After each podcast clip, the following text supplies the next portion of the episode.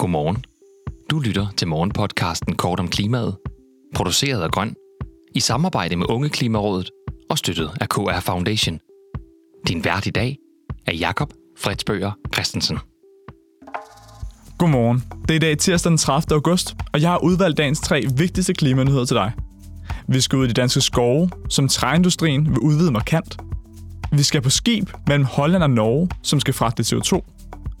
Og vi skal ud på havet i Østersøen, hvor der er potentiale for meget mere vindkraft.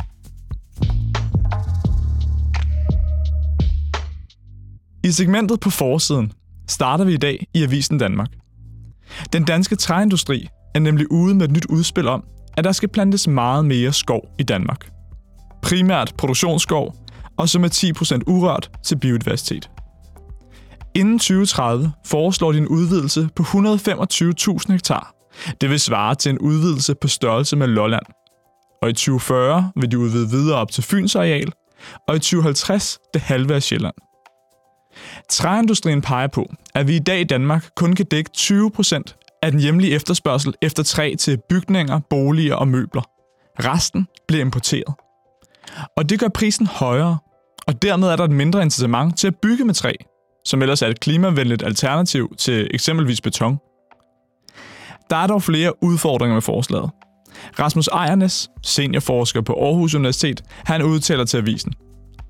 Når der plantes til produktionsskov, sker det med høje, smalle træer, der tvinges op i luften. Det giver nogle mørke skyggeskove, som er fjendtlige over for blomster og insekter.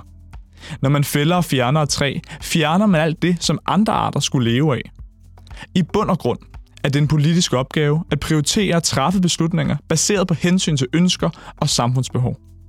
Folketingspolitikere på tværs af Venstre, Socialdemokratiet og Radikal Venstre ser isoleret set positivt på, at det skal gøres mere oplagt at bruge træ i byggeriet. Men peger også på, at arealerne i dag benyttes af landbrug, og at udvidelser i den størrelsesorden, som træindustrien foreslår, koster minimum en halv milliard kroner om året.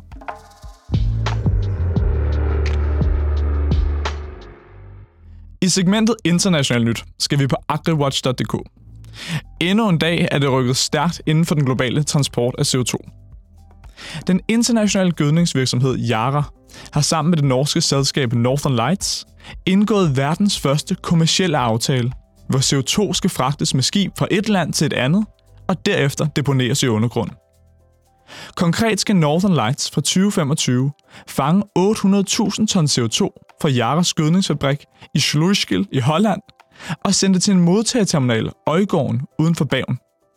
Og herefter skal det ud i et hulrum 2.600 meter under havbunden i Nordsøen.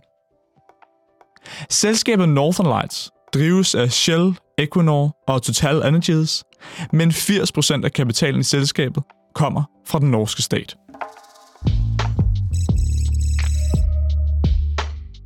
I under radaren skriver Bornholms Tidene, at et flertal i Folketinget netop har besluttet, at den nye energiø i Østersøen skal bygges med en vindmøllekapacitet på 3 gigawatt i stedet for de 2 gigawatt, som det oprindeligt var tænkt.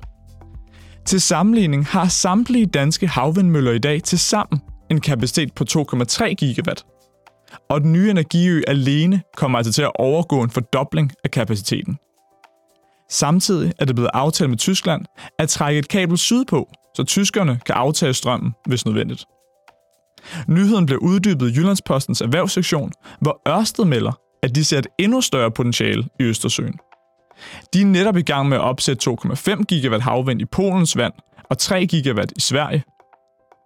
Analysevirksomheden Covi vurderer, at der samlet kan opsættes 93 gigawatt i Østersøen.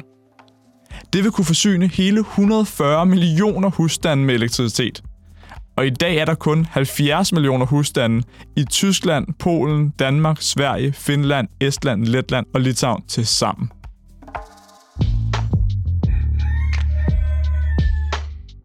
Dagens solstrålehistorie kommer i dag fra Måns Lykketoft, eller mere præcist Energinet, hvor han er bestyrelsesformand. Energinet får nemlig en såkaldt flaskehalsindtægt, når der bliver solgt og købt strøm over kabelforbindelserne til Norge eller Sverige, eller lokalt mellem Øst- og Vestdanmark. Og det har de allerede tjent 5 milliarder kroner på indtil videre i år. Og det er dobbelt så meget som hele sidste år. Derfor er forslaget på aftenens bestyrelsesmøde i Energinet, at halvdelen af fortjenesten sendes tilbage til danskerne i form af lavere tariffer næste år.